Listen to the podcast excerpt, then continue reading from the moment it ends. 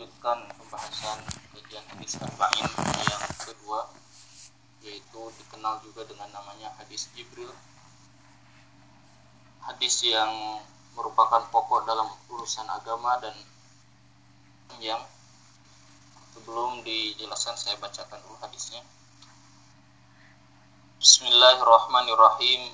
An Umar radhiyallahu taala anhu aidan qala بينما نحن جلوس عند رسول الله صلى الله عليه وسلم ذات يوم اطلع علينا رجل شديد بياض الثياب شديد سواد الشعر وعليه أثر السفر ولا يعرفه منا أحد حتى جلس إلى النبي صلى الله عليه وسلم فأسند ركبتيه إلى ركبتيه ووضع كفيه على فخذيه وقال يا محمد أخبرني عن الإسلام Faqala Rasulullah sallallahu alaihi wasallam al-Islamu an tashhad an la Allah wa anna Muhammadar Rasulullah wa tuqima shalah wa tu'tiya zakah wa tasuma Ramadan wa tahujjal baita in istata'ta ilaihi sabila.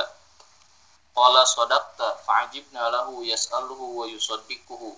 Qala fa akhbirni 'anil iman. Qala an tu'mina billahi wa malaikatihi wa kutubihi wa rusulihi wa tu'mina bil qadari khairihi wa syarri. Qal sadaqta. Qal fa akhbirni 'anil ihsan. Qal an ta'budallaha ka'annaka tarahu fa illam takun tarahu fa innahu yarak qala fa akhbirni 'anis sa'ah.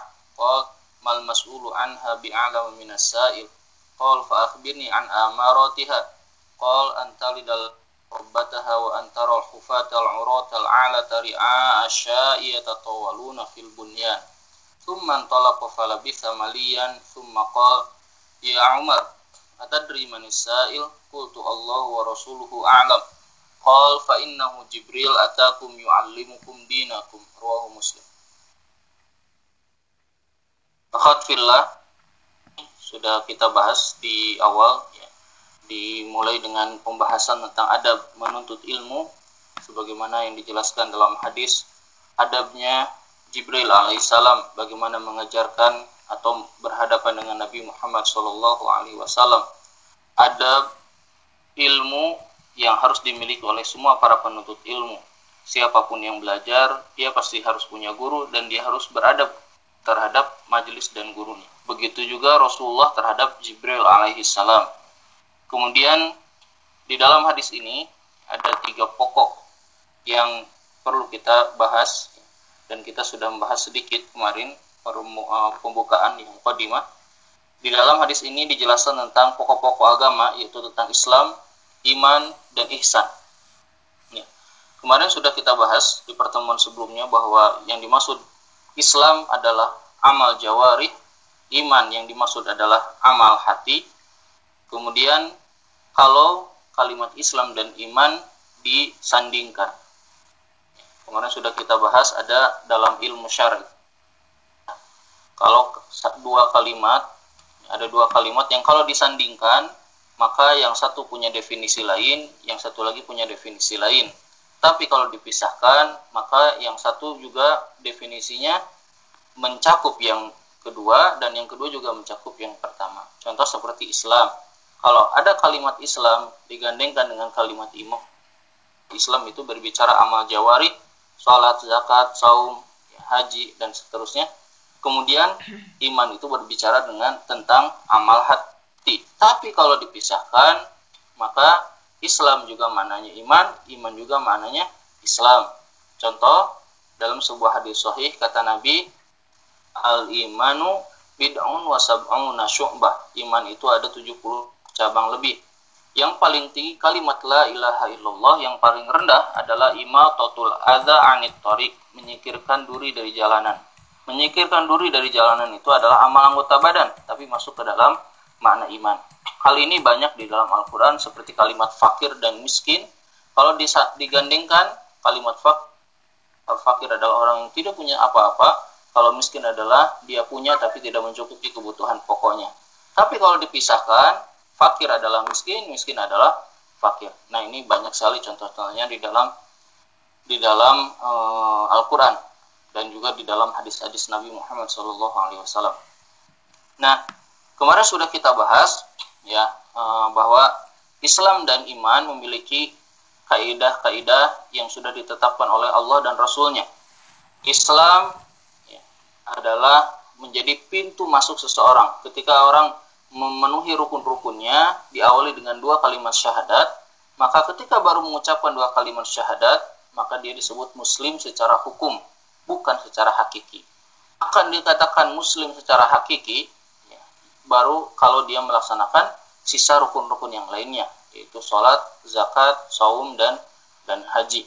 Tapi kalau hanya dia baru bersyahadat saja, dia sudah jadi muslim, tapi muslimnya adalah muslim hukman, bukan muslim hakiki.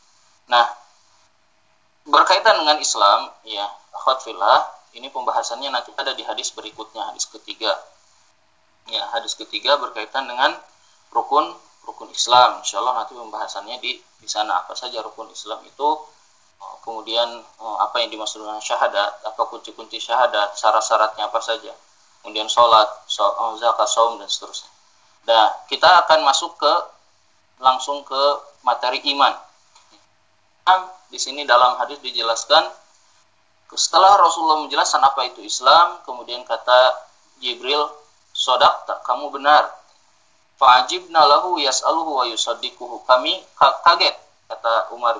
Kami, dia yang nanya, ya dia yang membenarkan. Nah, dalam perkataan ini di sini juga ada ada para sahabat kalau ada percakapan antara dua orang, ya tidak berani memotong percakapannya di antara adab ada penuntut ilmu. Kemudian fakhbirni anil iman. Sekarang kita akan bahas tentang iman. Iman sudah kita kalau tidak salah sudah dibahas juga sedikit, ya saya ulas sedikit. Kalau ditanya apa itu iman? Iman itu tidak cukup dengan yakin, ya. Ya, saya emang nggak perlu menutup aurat, yang penting saya yakin. Saya yakin saya emang nggak perlu sholat. Ini adalah pemahaman yang yang keliru. Karena setiap ada kalimat iman di dalam Al-Quran selalu digandengkan dengan kalimat amal. Ya, salah satu contoh ya, dalam surat Wal Asr. Innal insana lafi khusr illa alladhina amanu wa amilu solihat.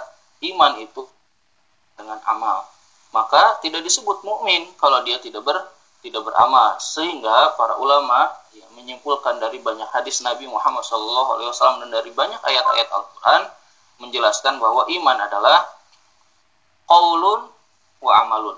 Iman adalah perkataan dan perbuatan.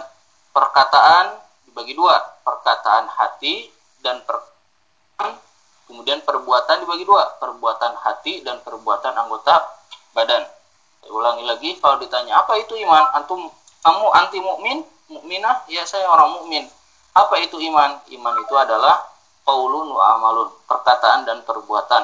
Perkataan hati dan perkataan lisan hati, perkataan hati, ya, perkataan seperti dikirnya kita di dalam di dalam hati. Kemudian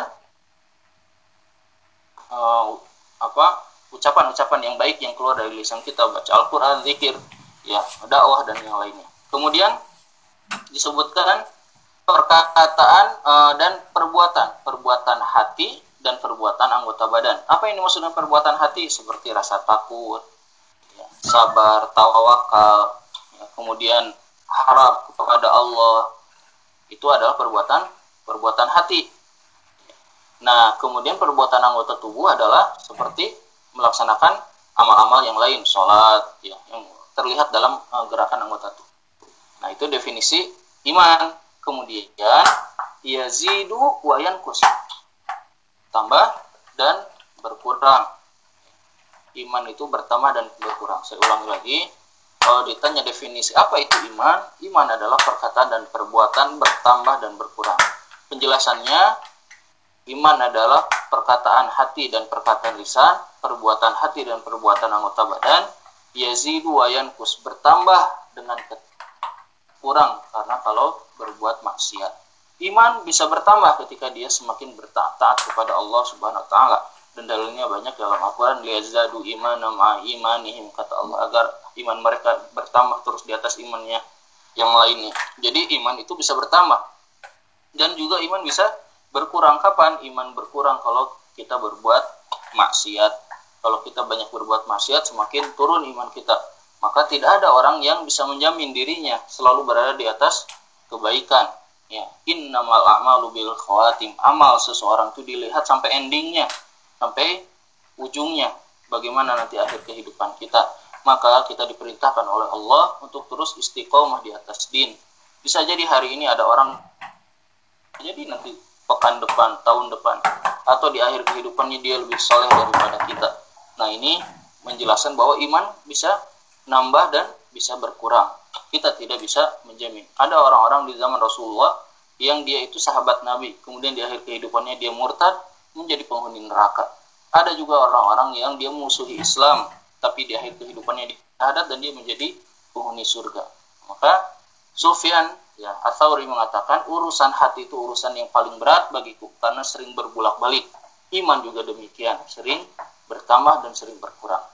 Nah, iman ini ya tingkatan yang lebih tinggi daripada daripada Islam sehingga rukun-rukunnya pun ya ketika soal dia harus mengikuti atau harus memenuhi rukun-rukun yang ada di dalam di dalam iman itu apa itu rukun sebagaimana di dalam Islam sudah kita bahas rukun itu adalah sesuatu yang kalau tidak kita lakukan tidak ada tidak dipenuhi maka gagal hangus contoh orang haji tapi tidak ke Arafah Sedangkan rukun haji itu salah satunya wukuf di Arafah. Ya, walaupun dia sudah di Mekah, tinggalnya katakan di hotelnya di depan Masjidil Haram, tapi tidak ke Arafah tidak sah uh, hajinya.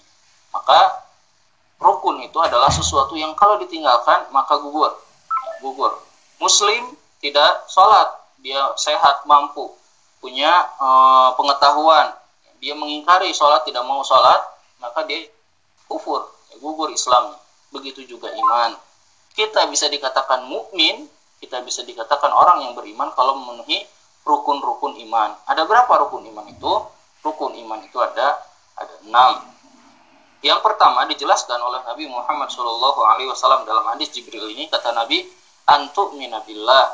Yang pertama adalah beriman taala ya, berkaitan dengan iman kepada Allah. Ya, apa bagaimana kita beriman kepada Allah? Ini ringkasnya saja ya, karena panjang pembahasannya. Beriman kepada Allah ya terlihat atau terpenuhi kalau kita beriman tentang empat hal. Satu beriman akan keada adanya Allah Subhanahu wa taala ya. Kalau orang ateis kan tidak percaya adanya oh, ya. Nah, pertama adalah beriman bahwa Allah itu ada. Bahwa Allah Allah itu ada. Ini yang pokok yang paling wajib. Kalau orang tidak beriman bahwa ada pencipta di alam ini, maka sudah dia bukan mukmin, dia bahkan bukan muslim, dia sudah kufur. Ya, sebagaimana orang-orang orang-orang yang tidak percaya adanya adanya Tuhan. Ya, pernah suatu hari Abu Hanifah itu dapat diskusi dari orang ateis yang dikirim surat Abu Hanifah, kamu ya kami undang untuk berdebat ya tentang Tuhan. Karena mereka tidak percaya Tuhan. Abu Hanifah sengaja datangnya telat. Mereka nunggu lama gitu perjalanan jauh keluar kota. Ketika sudah sampai ditanya, kenapa lama Wah, tadi aku di rumah menunggu perahunya karena melewati perjalanan laut air itu. Perahunya dibikin dulu si perahunya bikin sendiri. Pohonnya eh, apa potong sendiri kemudian perahunya membentuk sendiri gitu. Sampai perahunya jadi. Sehingga karena aku lama menunggunya maka aku baru bisa berangkat setelah perahunya bisa membentuk diri. Menjadi kata orang ateis itu nggak mungkin perahu bisa bikin sendiri pasti ada yang membuatnya kata Abu Hanifah. Kalau gitu urusan yang kecil saja harus ada penciptanya. Bagaimana kalau urusan yang yang lebih besar? Nah, akhirnya di situ langsung langsung kalah orang-orang ateis. Nah kemudian yang pertama adalah biwujudilah beriman akan adanya Allah Subhanahu wa taala. Kemudian yang kedua beriman kepada Allah Subhanahu wa taala yaitu beriman tentang rububiyah Allah bahwa Allah yang menciptakan kita, Allah yang memberikan rezeki kepada kita, Allah yang mengatur alam ini, Allah yang menurunkan hujan, Allah yang memberikan sehat, Allah yang memberikan sakit, Allah yang memberikan kehidupan dan kematian. Ini adalah iman kepada rububiyah sebagaimana sering alhamdulillahi rabbil alamin. Segala puji bagi Allah, Rabb pengatur semesta alam ini. Allah yang mengatur kita. Kalau orang mukmin tidak percaya bahwa Allah yang memberikan rezeki, Allah yang mengaturnya, Allah yang memberikan kesehatan, Allah yang memberikan uh, apa kesembuhan, Allah yang memberikan rasa sakit, Allah yang menghidupkan dan mematikan, maka dia tidak disebut harus beriman. Maka orang mukmin itu tidak pernah dia melakukan hal-hal yang yang aneh-aneh, bunuh diri, ya, bunuh diri kenapa? Karena putus harapan. Berarti dia tidak beriman kepada Allah, ya. Oh, karena tidak ada pekerjaan, kemudian dia akhirnya bunuh diri dan lain-lain. Ini juga tidak ada harapan. Padahal orang mukmin dia yakin ya, selama manusia itu hidup Nah, jadi iman kepada Allah Subhanahu wa taala ya, yang kedua adalah beriman akan rububiyah Allah Subhanahu wa taala, bahwa Allah yang mengatur alam ini, Allah yang memberikan rezeki, Allah yang memberikan segala nikmat. Kemudian yang ketiga beriman, ya ini bab tauhid ini saya ringkas-ringkas ya. Yang ketiga adalah lu ya Allah. Kalau tadi kita beriman bahwa Allah yang menciptakan kita, bahwa Allah lah satu-satunya yang memberikan rezeki kepada kita, yang mengatur alam ini, yang memberikan sehat, yang mengurusi anak-anak kita, yang mengurusi orang tua kita yang di jauh tempat ya. Kita tidak pernah tahu bagaimana kondisinya.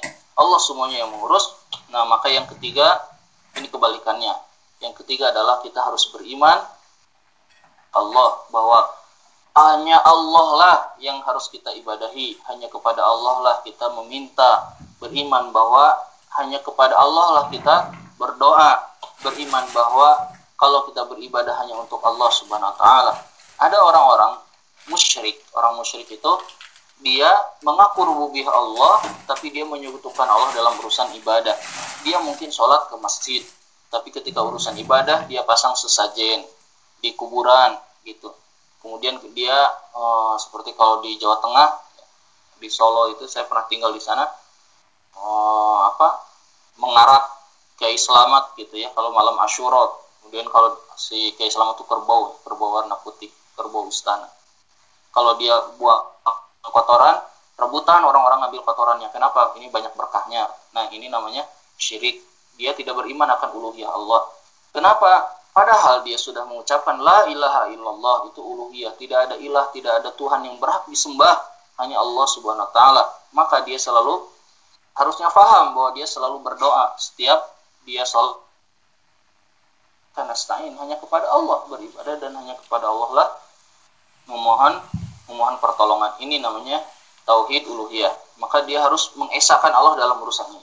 Orang musyrik dahulu pada zaman Rasulullah Shallallahu Alaihi Wasallam suka e, ditanya ya apakah kalian yakin bahwa Allah yang menurunkan hujan ya yakin Allah yang menurunkan tapi ketika beribadah mereka beribadah kepada selain Allah Subhanahu wa taala.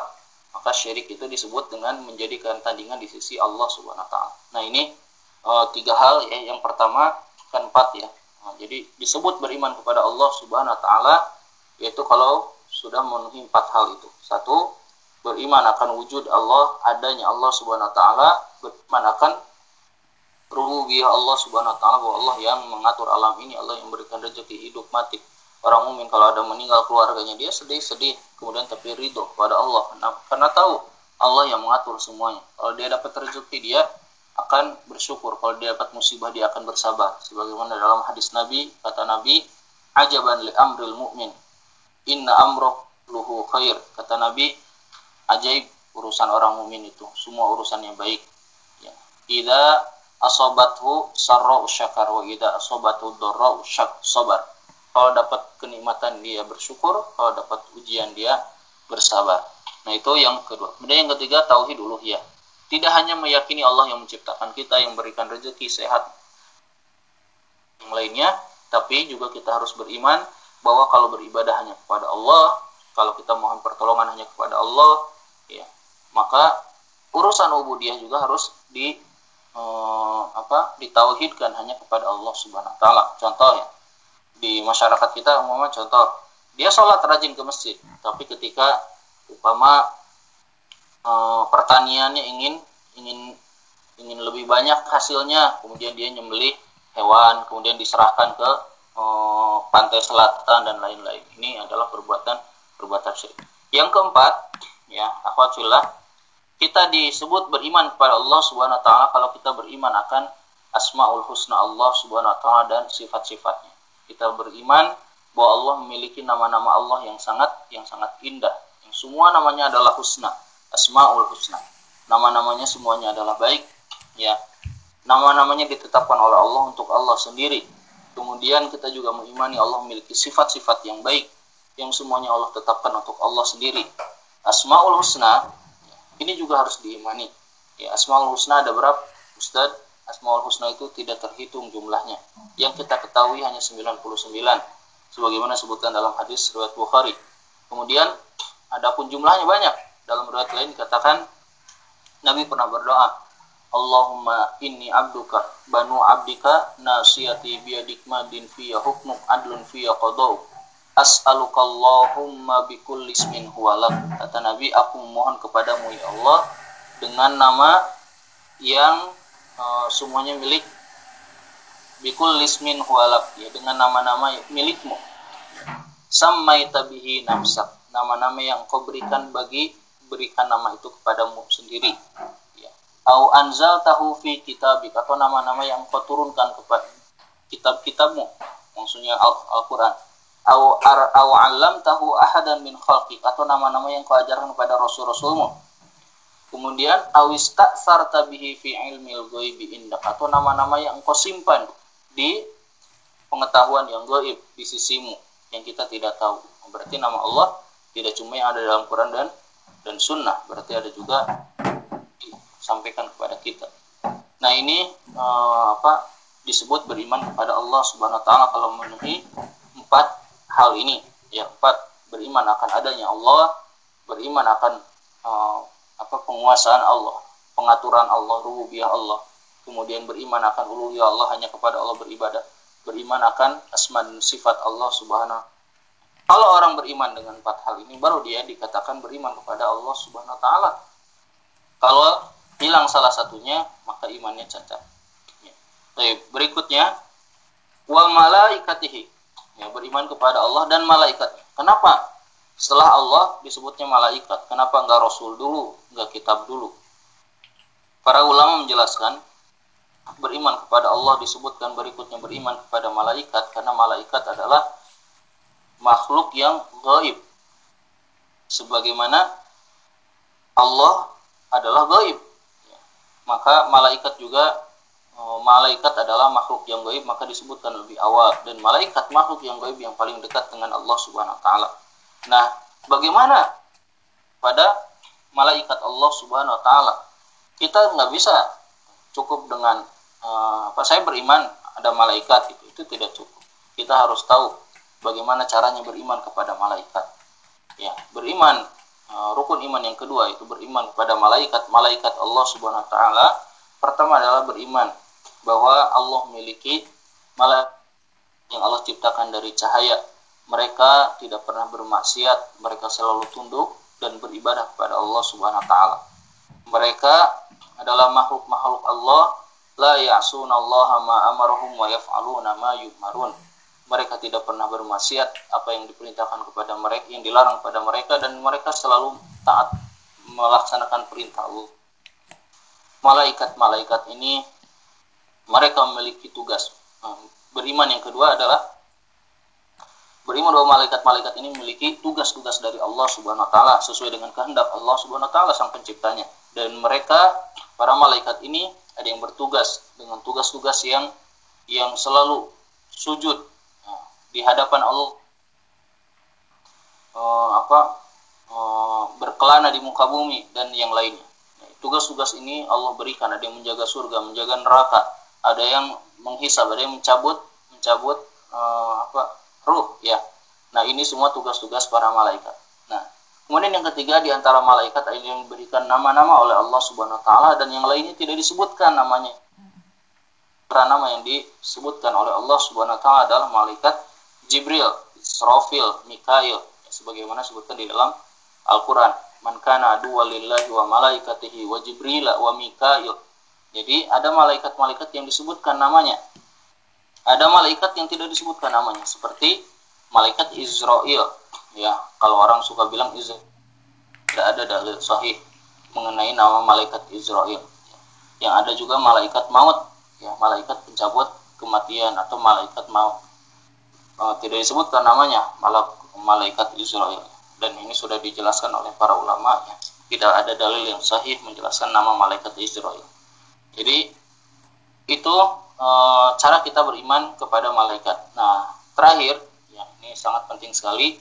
Malaikat memiliki hubungan yang kuat dengan orang-orang orang-orang beriman. Ini cara e, mengimani rukun yang kedua.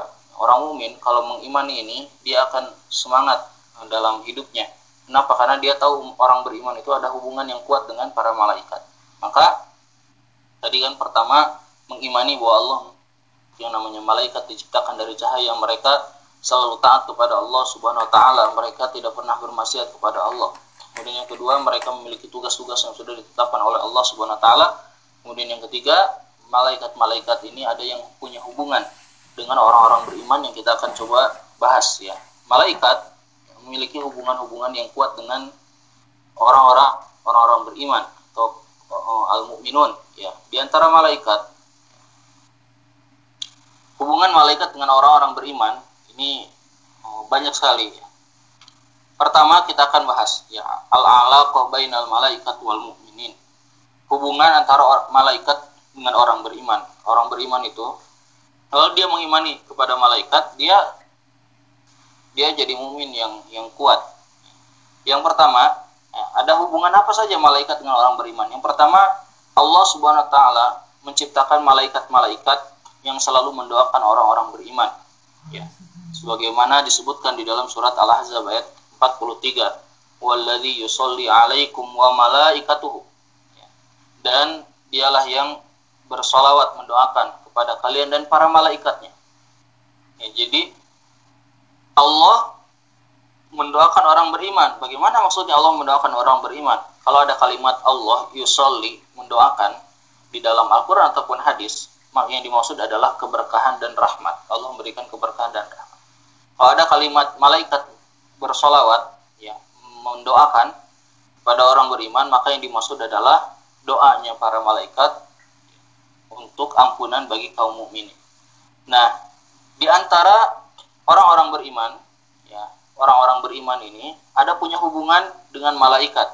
Ada malaikat-malaikat yang mereka itu selalu menjaga orang-orang beriman. Mereka mendoakan. Contoh, ya, dalam kondisi apa saja?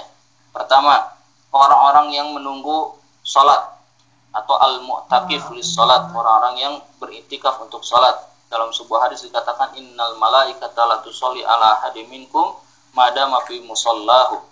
Sesungguhnya para malaikat akan mendoakan kalian selama kalian berada di tempat sholatnya.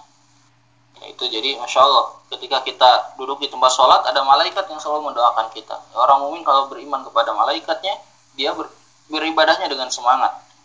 Kemudian yang kedua orang-orang alladzina yusalluna fi safil awal orang-orang yang sholat di sof pertama ya sof pertama dalam sebuah hadis disebutkan sesungguhnya Allah dan malaikatnya mendoa orang-orang mukmin yang sholat di barisan pertama jadi makanya kalau kita berada di masjid sunnahnya kalau ikhwan ke depan lah ya, duduk di paling depan ya. bukan pada dorong-dorong ya oh, tapi kita harus bersegera berada di di depan Kenapa? Karena Allah akan mendoakan, malaikat akan mendoakan orang-orang yang berada di sop pertama. Insya Allah. Ada orang di sop pertama, ya dalam riwayat dikatakan riwayat lain, malaikat akan ada berada di sebelah kanan kita, kemudian berdoa, Ya Allah ampuni dia, Ya Allah ampuni dia. Gitu. Kemudian berikutnya malaikat ya mendoakan orang-orang yang menyambungkan sop barisannya yang menyambungkan sop barisannya ini sunnah Rasul ketika sholat adalah menyatukan kaki-kaki ya uh, apa uh, telapak kaki atau kaki kita ya mata kaki kita dengan yang di sebelah kita atau pundak dengan pundak. Kenapa? Karena di situ ada keutamaan yang besar, bukan hanya karena itu sunnah dan juga khawatir setan masuk, tapi juga ada keutamaan besar. Orang yang menyambungkan soft akan didoakan oleh para malaikat. Ya, barang siapa yang memutus soft itu, maka Allah akan memutus soft, memutus kasih sayang darinya. Ini uh, apa? Dalam sebuah hadis Inna Allah wa malaikatul yusalluna ya sesungguhnya Allah dan malaikatnya akan mendoakan orang-orang yang orang-orang yang menyambungkan barisannya dalam salat.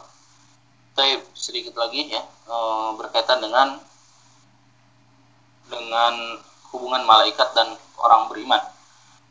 Orang ber, orang beriman juga akan didoakan oleh para malaikat ya yaitu orang-orang yang uh, selalu bersolawat kepada Nabi Muhammad SAW. Ini uh, di hari Jumat tadi ya di antara sunnahnya adalah banyak bersalawat kepada Nabi. Ya, Orang bersalawat kepada Nabi maka dia akan didoakan oleh malaikat. Salamnya akan disampaikan kepada Nabi Muhammad SAW. Kemudian yang keenam yaitu orang-orang yang selalu mengajar, ya, mengajar kebaikan atau mengajarkan din. Di dalam sebuah riwayat dikatakan ya, bahwa innallaha wa malaikatahu wa ahlu samawati wal ar wa ahla samawati wal ar wa hatta namlatu fi juhriha wa hatta hud ya fil bahr. Dalam sebuah riwayat dikatakan Allah para malaikat ya kemudian penghuni langit dan bumi sampai semut di lubang-lubang dan sampai ikan paus di lautan mereka akan mendoakan orang-orang yang mengajarkan din kepada orang lain. Maka kalau kita lihat ya dalam surat An-Naml uh, mungkin akhwat pernah pernah baca ada sebuah ayat Nabi Sulaiman lagi jalan dengan pasukannya kemudian ada semut kemudian sebutnya pimpinannya bilang ya ayah Tuhan namlah wahai semut-semut udhulu ya, masuklah semuanya ke rumah-rumah kalian. La nakum Sulaiman wa junuduhu khawatir diinjak oleh Nabi Sulaiman dan pasukannya dan mereka tidak menyadari dalam ini jelaskan dalam ayat ini dijelaskan oleh para mufasir kenapa semut hanya menyebutkan Nabi Sulaiman? Padahal di situ banyak orang-orang sol yang lainnya. Maka ditafsirkan salah satunya adalah karena Nabi Sulaiman adalah seorang guru kebaikan, guru eh, apa yang mengajarkan tentang urusan-urusan din, mengajarkan wahyu Allah kepada umat, maka mereka dikenal namanya dikenal dan mereka selalu didoakan oleh para semut. Nah, itu salah satu dalil eh, bahwa malaikat juga mendoakan orang-orang yang mengajarkan kebaikan. Kemudian orang-orang yang sering duduk di majelis ilmu dalam sebuah riwayat dikatakan innallaha innalillahi la malaikatun siyahiyuna Allah memiliki malaikat yang berkelana di muka bumi. Jadi berkelana di muka bumi, berkeliling di muka bumi. Ya, kalau ada majelis taklim, majelis ilmu, majelis zikir, maka malaikat akan turun di situ dan akan mengepakkan sayap-sayapnya. Kemudian malaikat akan memanggil orang lain untuk ikut duduk di situ. Insya Allah seperti majelis-majelis. Seperti ini juga termasuk ya. Eh, walaupun ini uh, apa online gitu ya. Tapi ini termasuk. Kemudian kata Nabi dalam hadis ini nanti malaikat mengajak orang orang-orang lain. Kemudian malaikat mendoakan orang-orang yang ada duduk di situ. Setelah kembali kepada Allah ke langit kemudian ditanya oleh Allah Subhanahu wa taala wahai malaikat dari mana kalian kemudian kata uh, malaikat aku pulang dari uh, sebuah majelis kemudian apa yang mereka Allah memperbincangkan di dalam majelis itu. Kemudian kata malaikat mereka memperbincangkan Allah, memperbincangkan eh, engkau ya Rob. Kemudian kata Allah, apakah mereka melihatku? Tidak ya Rob. Apakah bagaimana kalau mereka melihatku? Kata malaikat mereka akan semakin takut kepadamu ya Rob. Kemudian kata kata Allah, wahai malaikat dari majelis itu. Kata malaikat mereka mengharapkan surga ya Rob. Kemudian kata Allah, apakah mereka melihat surga? Kemudian kata malaikat, tidak ya Rob. Bagaimana kalau mereka melihat surga? Kata malaikat, mereka akan semakin semangat ya Rob beribadah kepadamu. Kemudian kata Allah, apa yang mereka takutkan dari majelis itu? Kata kata malaikat, mereka sangat takut terhadap nerakamu ya Rob. Kemudian kata Allah, apakah mereka pernah melihat neraka? Kemudian kata malaikat, tidak ya Rob. Bagaimana kalau mereka melihat neraka? Kata malaikat, mereka akan semakin takut kepadamu ya Rob. Kemudian Subhanallah, ini hadisnya indah sekali panjang ya hadisnya ini. Kemudian kata Allah Subhanahu wa taala, "Wahai malaikat, kalau begitu sampaikan kepada mereka, ya. Persaksikan oleh kalian, aku mengampuni orang-orang yang ada di majelis itu." Masya Allah, duduk di majelis ilmu didoakan oleh malaikat diampuni dosa-dosa. Tiba-tiba ada satu malaikat yang protes. Malaikat ini mengatakan kata Nabi, ya, ya Rob, ya, sesungguhnya di majelis itu ada seorang laki-laki. Dia bukan ahli ibadah dia ahli dosa. Kebetulan saja lewat di majelis itu dan dia duduk di situ. Allah bagi dia pun yang hanya lewat, aku ampuni dosa. Ini keutamaan duduk-duduk di majelis ilmu. Jadi itu hubungan orang beriman dengan malaikat maka mukmin itu kalau beriman tentang rukun iman yang kedua dia semangat ibadah. Dia tahu keutamaan keutamaan. Kalau masuk masjid dia langsung duduk di depan. Ya, kalau dia sholat dia langsung menyambungkan soft kalau ada majelis ilmu dia duduk di situ. Kenapa? Karena tahu ya di situ ada hubungannya orang-orang beriman dengan para malaikat. Kemudian berikutnya Allah eh, malaikat juga mendoakan orang-orang yang menjenguk orang yang sakit. Ya sebagaimana juga dalam Bukhari Muslim dan banyak hadis-hadis lainnya. Orang yang berziarah maka akan didoakan oleh para malaikat eh, kemudian juga orang-orang yang suka berinfak dengan hartanya juga mereka oleh para malaikat dan berikutnya tadi kan malaikat mendoakan orang beriman itu yang pertama tadi rinciannya di mana saja dan kapan saja yang kedua yaitu malaikat menolong orang-orang beriman kalau ada mukmin itu hubungan dengan malaikat sangat kuat. Kenapa? Karena salah satunya Allah menjadikan malaikat itu sebagai penolong orang-orang beriman. Sebagaimana dalam Al-Qur'an yusabbital uh, apa? Uh, kata Allah untuk meneguhkan hati kalian. Jadi orang mukmin itu diteguhkan dengan diturunkannya pasukan-pasukan yaitu para malaikat. Mereka malaikat-malaikat yang menjadi penolong orang-orang beriman. Ya, kemudian juga orang-orang beriman hubungannya dengan para malaikat ya bahwa para, malaikat ini mereka akan menyampaikan salam kepada Nabi Muhammad SAW, memberikan kabar gembira, ya dan masya Allah banyak sekali ya uh, hubungan para malaikat dengan orang-orang beriman. Terakhir ya sebagai penutup ya bahwa malaikat dengan orang beriman ya memiliki hubungan bahwa malaikat akan uh, menjadi saksi-saksi bagi orang-orang orang-orang yang beriman akan apa yang dunia ini Lalu apa Ustaz manfaatnya kita mengetahui atau beriman kepada malaikat? Ini manfaatnya. Kesimpulan. Satu, orang kalau beriman kepada malaikat rukun iman yang kedua, satu dia akan mengetahui akan agungnya Allah Subhanahu wa taala. Bayangkan di muka bumi ini, di alam ini ada ada yang mengatur pasukan-pasukan Allah yang sangat banyak sekali. Ya, berapa tur dicabutnya ruh, yang meniupkan ruh, yang menurunkan hujan, menumbuhkan buah-buahan, tanaman, masya Allah, semuanya ini sudah diatur oleh Allah dan ini menunjukkan Allah Maha Agung. Yang kedua, ya ziyadatu syukri lillah. Kalau orang mukmin beriman kepada malaikatnya, seseorang beriman kepada malaikat, maka akan bertambah rasa syukurnya kepada Allah Subhanahu wa taala. Kita bersyukur ada yang ada yang menolong kita, membantu kita, ya, mengawasi kita, para malaikat yang diutus oleh Allah Subhanahu wa taala. Kemudian yang ketiga, ya apa buah daripada beriman kepada malaikat beriman kepada malaikat buah yang ketiga adalah kita semakin cinta kepada para malaikat kita semakin semakin semangat nah, cinta yang memiliki cinta yang kuat kepada para malaikat Masya Allah ya Jibril alaihi salam ya, yang dengannya selalu Jibril ini satu-satunya malaikat yang pernah mendampingi para nabi dan para rasul dari zaman Nabi Adam alaihissalam sampai Nabi Muhammad wasallam. Kemudian yang keempat yang terakhir yaitu ziyadatut tumanina. Ya, orang beriman kepada malaikat akan menambah ketenangan dalam dirinya. Dia kalau beribadah, dia merasakan tenang, dia selalu didampingi dan didoakan oleh para malaikat. Itu e, untuk pembahasan kita ya rukun iman yang ke satu dan kedua iman kepada Allah dan Rasulnya eh, malaikat Insya Allah nanti jika ada kesempatan kita akan lanjutkan iman kepada uh, apa kitab uh, Rasul kitab kemudian uh, yaumil akhir kemudian kodo dan kodar ya. nah, setelah itu baru ihsan. Tidak akan terlalu banyak pembahasannya ya. rukun iman di hadis ini yang akan banyak dibahas. Kemudian nanti rukun Islamnya tidak dibahas di sini nanti ada di hadis yang ketiga insya Allah mungkin demikian ya untuk pembahasan uh, apa hadis yang kedua. Ya memang hadis panjang ya. Jika ingin dikaji lebih rinci memang harus bersabar mudah-mudahan bisa selesai hadis yang kedua ini karena ini hadis pokok. Ya. Uh, ya. terima kasih banyak Ustadz yang sudah menyampaikan ya tadi uh, hubungan antara Islam dan iman gitu kan. Lalu juga tentang rukun iman ya.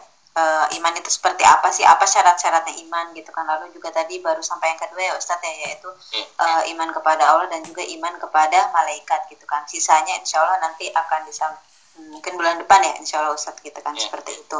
Baik uh, mungkin di sini dari teman-teman ada yang ingin bertanya tentang materi yang sudah disampaikan oleh Ustadz Herfi? Dipersilahkan untuk mengetik ya nanti saya bacakan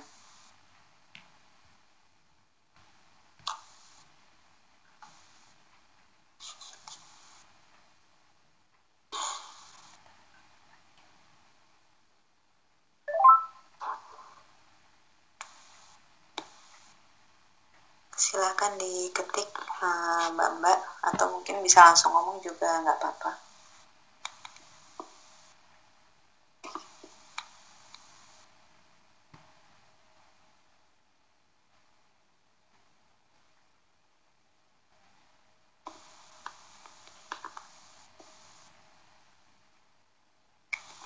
Bagaimana? Apakah ada yang ingin bertanya?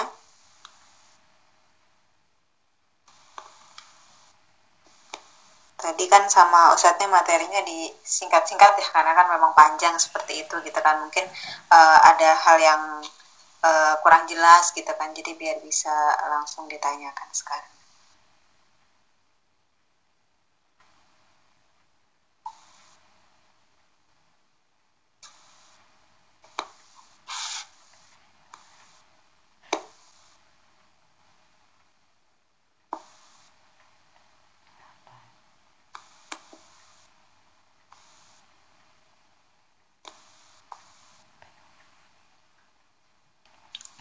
tidak ada yang ingin bertanya kalau tidak ada mungkin bisa ditutup ya insya Allah nanti di kesempatan bulan depan gitu kan kita ketemu lagi dengan Ustadz Herfi dan membahas lagi lanjutannya seperti itu gitu kan. Seperti yang sudah di, hmm, disampaikan oleh Ustadz Herfi tadi kan memang ini hadis pokok ya gitu kan. Jadinya memang uh, penjelasannya panjang gitu kan dan kita harus bersabar gitu kan buat satu hadis ternyata memang pembahasannya panjang. Uh, yeah. ini ada ada Mbak Erna sedang mengetik Ustadz gitu kan kita tunggu. Baik.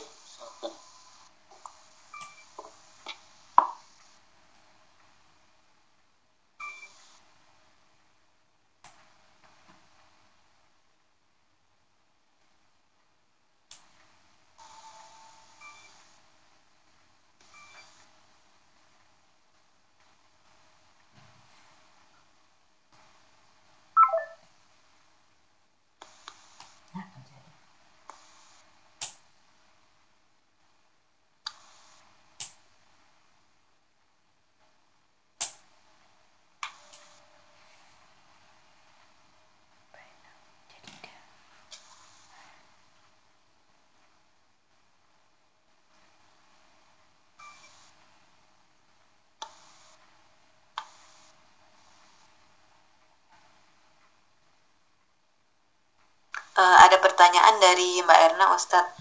Jadi kan iman seseorang itu naik turun. Bagaimana caranya meningkatkan iman yang sedang turun agar naik lagi? Baik. Tadi sudah dijelaskan bahwa uh, iman itu yazidu wa yankus ya. Naik dan turun. Naiknya kalau beramal baik, ketaatan, turunnya kalau berbuat kesalahan.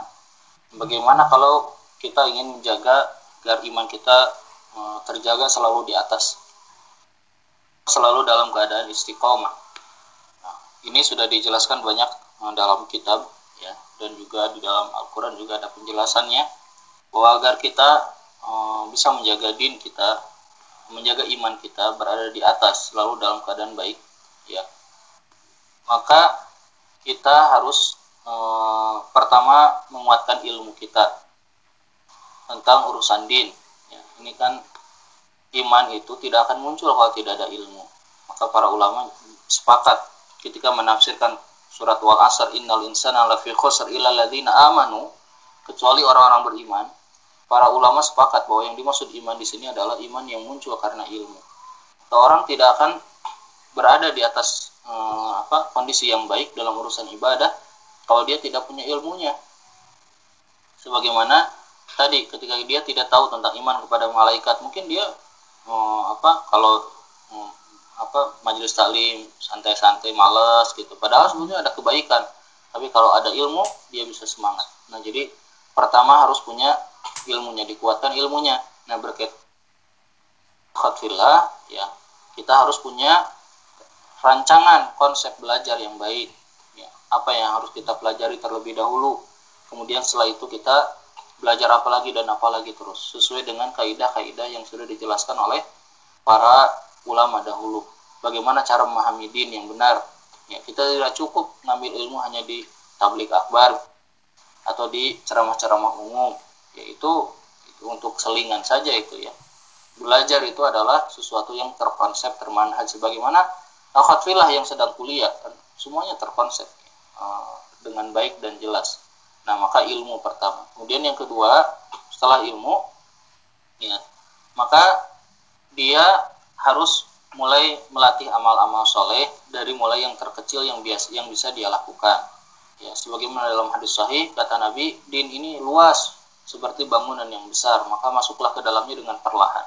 Ya, kalau mama kita mampunya melakukan suatu amalan baru satu dua maka itu dulu kita lakukan.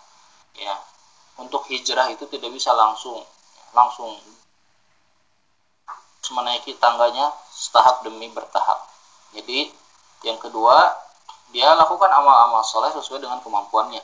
Ya, eh, apa naikilah tangga-tangganya ya, sesuai dengan kemampuannya. Kalau belum biasa ya jangan langsung loncat ke tangga yang sangat tinggi sekali nanti dia akan jatuh dia harus perlahan-perlahan nah untuk dia melakukan itu maka dibiasakan dengan hal-hal yang yang mudah dia lakukan dulu. Karena yang paling susah itu membiasakan. Belajar juga kalau yang rutin tuh berat. Ya kalau yang insidental acara-acara sesekali pasti rame. Tapi kalau rutin susah berat. Ya menghafal Quran rutin berat. Ya, belajar hadis rutin itu berat. Nah maka karena itu lakukan hal-hal yang yang ringan dulu yang bisa lakukan. Nah, itu beramal. Uh, jadi setelah punya ilmu, mulai melatih amal-amal soleh yang bisa kita lakukan. Kemudian yang ketiga, ya, perbanyak sahabat-sahabat yang soleh yang bisa menjaga kita, mendoakan kita. Yang kalau kita lagi jatuh ada yang narik kita, ya. Kalau kita lagi tersesat, ada yang menunjuki kita, menegur kita, mendoakan kita. Itu namanya sahabat sahabat soleh kata para ulama as-suhbah as-salihah sahabat yang soleh inilah yang nanti akan membantu kita masuk ke dalam surga yang akan membantu kita nanti berkumpul kembali di surga sahabat-sahabat sahabat-sahabat yang soleh penting sekali dia punya sahabat-sahabat yang soleh nah sahabat yang soleh ini di antara cirinya apa di antara cirinya adalah dia selalu menasehati kita dalam urusan kebaikan dan kalau kita salah kita dinasehati ya orang mukmin itu kata Fudel bin Yad al mukmin yastur wa yansah. Orang mukmin itu menutupi aib, ngasih nasihat. Gitu. Kalau orang munafik wal munafik kata Fudal bin Iyad, wal munafik yas yaftah wa yaftah. Orang munafik itu membuka aib kemudian mencela. Nasihati mah enggak. Itu beda orang mukmin sama setelah yang e, iman eh ilmu amal kemudian suhbah as kemudian yang ke yang keempat yang keempat adalah sabar. Ya. Banyak berdoa kepada Allah dan kuatkan kesabaran. Banyak-banyak bersabar dalam urusan uh, amal soleh. Sabar itu bukan hanya menghadapi menghadapi musibah saja. Sabar juga harus ada ketika beramal soleh. Sabar ketika menghafal Quran. Sabar ketika uh, melaksanakan sunnah-sunnah Rasul. Sabar ketika duduk di majelis ilmu. Ya, sabar ketika mempelajari hadis. Sabar ketika mempelajari tafsir. Sabar ketika uh, sholat sunnah sabar ketika infak sedekah itu harus sabar ya haji harus sabar ya zakat harus sabar jadi ada jadi pertama ilmu kemudian beramal sesuai dengan uh, kemampuan kita tingkatan-tingkatan satu persatu dinaiki. Kemudian berikutnya adalah suhbah as-solihah perbanyak sahabat-sahabat yang soleh. Kalau ada orang soleh itu digenggam ya kemudian diajak jadi persahabatan kita memiliki persahabatan dengannya. Jangan dimusuhi yang didoakan begitu cara. Kemudian adalah dengan sabar ya, kuatkan kesabaran dan memohon kepada Allah Subhanahu wa taala apakah ini menjamin selalu berada di atas? Tidak ya. karena kata Nabi seandainya iman kalian Nabi pernah bilang kepada sahabat seandainya iman kalian selalu di atas malaikat akan turun dari langit menyalami kalian. Pasti ada turunnya. Nah namun orang mukmin itu kalau turun tidak lama. Dia akan kemudian turunnya itu untuk melakukan lompatan yang lebih yang lebih jauh lagi. Begitu uh, apa uh, kaidah untuk menjaga keimanan. Maka salah satunya uh, apa tolabul ilmi yang yang apa yang berat itu adalah tolabul ilmi yang rutin paling berat. Nah tolabul ilmi yang rutin itu di situ harus ada namanya sabar. Harus ada ada sabar. Karena yang paling Allah cinta itu adalah amalan yang rutin walaupun jumlahnya hanya sedikit. Itu mungkin uh, untuk kaidah untuk menjaga keimanan. Gitu. Uh, oke. okay. Ya baik uh, syukuran Ustaz sebelumnya kita kan atas jawabannya. Uh, apakah yang lain ada yang ingin bertanya lagi? Dipersilahkan.